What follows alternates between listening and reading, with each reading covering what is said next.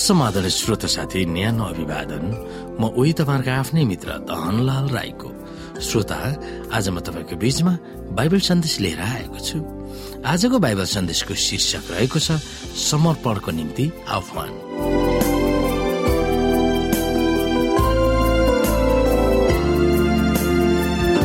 श्रोता कुनै जानकारी नगरिकन तुरन्तै परमेश्वरमा आफ्नो जीवन समर्पण गर्नुपर्छ भन्ने आह्वान प्रकाशको पुस्तकले दिएको छ। त्यस आह्वानलाई प्रकाशको पुस्तकमा दुई स्त्रीहरूको प्रतीक दिएर निचोटमा वर्णन गरिएको छ। हुन त सत्य र असत्यको बीचमा भइरहेको महान संग्राममा कहिलेकाहीँ परमेश्वरका जनहरू हारिएको देखिए तापनि अन्तमा आएर उहाँको चर्चले विजय पाउनेछ भन्ने परमेश्वरको प्रतिज्ञा छ। उहाँको चर्च वा उहाँका भक्तजनहरूको निम्ति यसुले के प्रतिज्ञा गर्नुभएको छ? जुन यसुले उहाँका चेलाहरूलाई मत्ती सोह्र अध्यायको अठारमा सुनाउनु भएको थियो। आउनु श्रोता हामी यहाँ हेर्न सक्छौ म तिमीलाई भन्दछु कि? तिमी पत्रुस हौ। म मेरो मण्डली यस चट्टानमाथि स्थापित गर्नेछु र नरकका ढोकाहरू त्यसमाथि विजय हुने छैन अब हामी प्रकाश सत्र अध्यायको चौध पनि पढ्न सक्छौ। यहाँ लेखिएको छ तिनीहरूले थुमाको विरुद्धमा युद्ध गर्नेछन् र थुमाले तिनीहरूलाई जित्नुहुनेछ किनकि उहाँ प्रभुहरूका प्रभु र राजाहरूका राजा हुनुहुन्छ।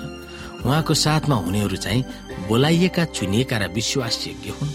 ख्रिस मजबुत वा ठोस जग हो जसमाथि उहाँको चर्च निर्माण भएको छ। उहाँको चर्च उहाँका शिक्षा दीक्षाहरूमा र उहाँको पवित्र आत्मामा आधारित छ। त्यसको विपरीत बेबिलोनको शिक्षा दीक्षा मानव दर्शन वा वाद तर्क वा शिक्षा र परम्परामा आधारित छन्। कुनै पनि धार्मिक शिक्षा दीक्षा विधि चलन संस्कार परमेश्वरको वचनको ठाउँमा मिल्छ भने त्यसले मानिसहरूलाई अलमल्ल पार्ने बेबेलियनीय धर्मको उत्थानको निम्ति जागरुक भएको हुन्छ। कुनै पनि विद्या बाइबल सम्मत छैन भने त्यसले परमेश्वरको वचनलाई कुल्चिरहेको प्रमाणित गर्दछ।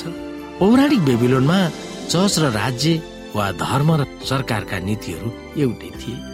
जब राजा नबुकदनेश्वर उनको मन्दिरको राजकीय सिंहासनमा बसे तब उनले बोलेका कुराहरू देवी देवताहरूको निम्ति बोलेका थिए भनेर मानिसहरूले मान्नु पर्दथ्यो एकपल्ट सृष्टिकर्ता परमेश्वरको विरुद्धमा खुला चुनौती दिँदै उनले एउटा अग्लो सुनको मूर्ति बनाएका थिए र सबै मानिसहरूलाई त्यसलाई ढोक्नुपर्छ भनेर अध्यादेश जारी गरेका थिए। त्यो मूर्ति विशाल टुडी खेलमा उभ्याइएको थियो र सबैले त्यसको अगाडि ढोक्नुपर्छ भनेर कडा आज्ञा दिएका थिए। त्यो मानव निर्मित धर्म थियो र त्यसलाई निरन्तरता दिन उनले परम्परा बसाल्न चाहेका थिए। तर तीनजना यहुदीहरूले त्यसलाई ढोक्न अस्वीकार गर्दा तिनीहरूलाई आगोको भट्टीमा हुत्याइदिए। मानव धर्म दर्शनले स्थापना गरेको झुटो देवताको मूर्तिलाई ढोक्न परमेश्वरका जनहरूलाई पनि जबरजस्ती गर्नेछन् र नढोक्नेको विश्वासी जनहरूको हालत पनि त्यस्तै हुनेछ भनेर राजा नबुकदनेश्वरको चर्तिकलाले देखाउँदछ। पृथ्वीको इतिहासको अन्तिम दिनहरूमा इसाई चर्च र राज्य संरचना एक हुनेछ। त्यसले आत्मिक बेबिलोनको सिर्जना गर्नेछ। सरकारसँग मिलेर नै इसाई धार्मिक नेताले आफ्नो धार्मिक सिद्धान्तको प्रवचनहरूले मानिसहरूलाई आकर्षित गर्नेछ। उनले परमेश्वरबाट आएको सन्देश दिँदैछौ भनेर दावी गर्नेछ। इसाई धर्मलाई नै बाजी राखेर उसले बोल्दा उसको वचन परमेश्वरको हो भनेर घोषणा गर्नेछ र उसका आदेशहरू परमेश्वरकै आदेशहरू हुन् भनेर पनि मानिसहरूलाई उचाल्नेछ। शताब्दीदेखि रोमन क्याथोलिक चर्चका धर्मगुरु पोपले यस संसारमा आफूहरू परमेश्वरको ठाउँ लिएका छन् भनेर घोषणा गरेका थिए र गरि नै रहनेछन्। रोमन क्याथोलिक चर्चलाई दिएको जुन बिस अठार सय चौरानब्बेको पत्रमा पोप लियो तेह्रौले यसरी खुलियाम तरिकाले घोषणा गरेका थिए। यस पृथ्वीमा हामी सर्वशक्तिमान परमेश्वरको ठाउँ लिइरहेका छौँ। हरारिक इक्लजिया स्टिकल डिक्सनेरीमा यसरी लेखिएको छ पोपको महिमा अनन्त महान छ। उनी केवल मानिस हो भनेर माथि उचालिएको छैन तर उहाँ परमेश्वर जतिको हुनुहुन्छ मानव उहाँ परमेश्वर नै हुनुहुन्छ। उहाँ यस पृथ्वीमा परमेश्वरको प्रतिनिधि वा पुरोहित हुनुहुन्छ।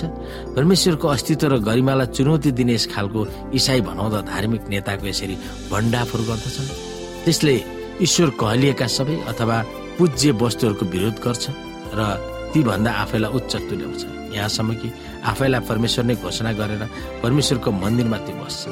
बेबिलियन वा बाइबल सम्मत नचल्ने चर्चहरूमा पनि परमेश्वरका विश्वासी जनहरू छन् भनेर हामीले सिकेको परिप्रेक्ष्यमा त्यसको बारेमा चर्चा गर्दा हामी कसरी होसियार हुनुपर्छ? हामीले व्यक्तिगत मानिसलाई होइन तर प्रणालीको विरोधमा आवाज उठाउन जरुरी छ। त्यो विषयमा हामी सोच्न सक्दछौँ।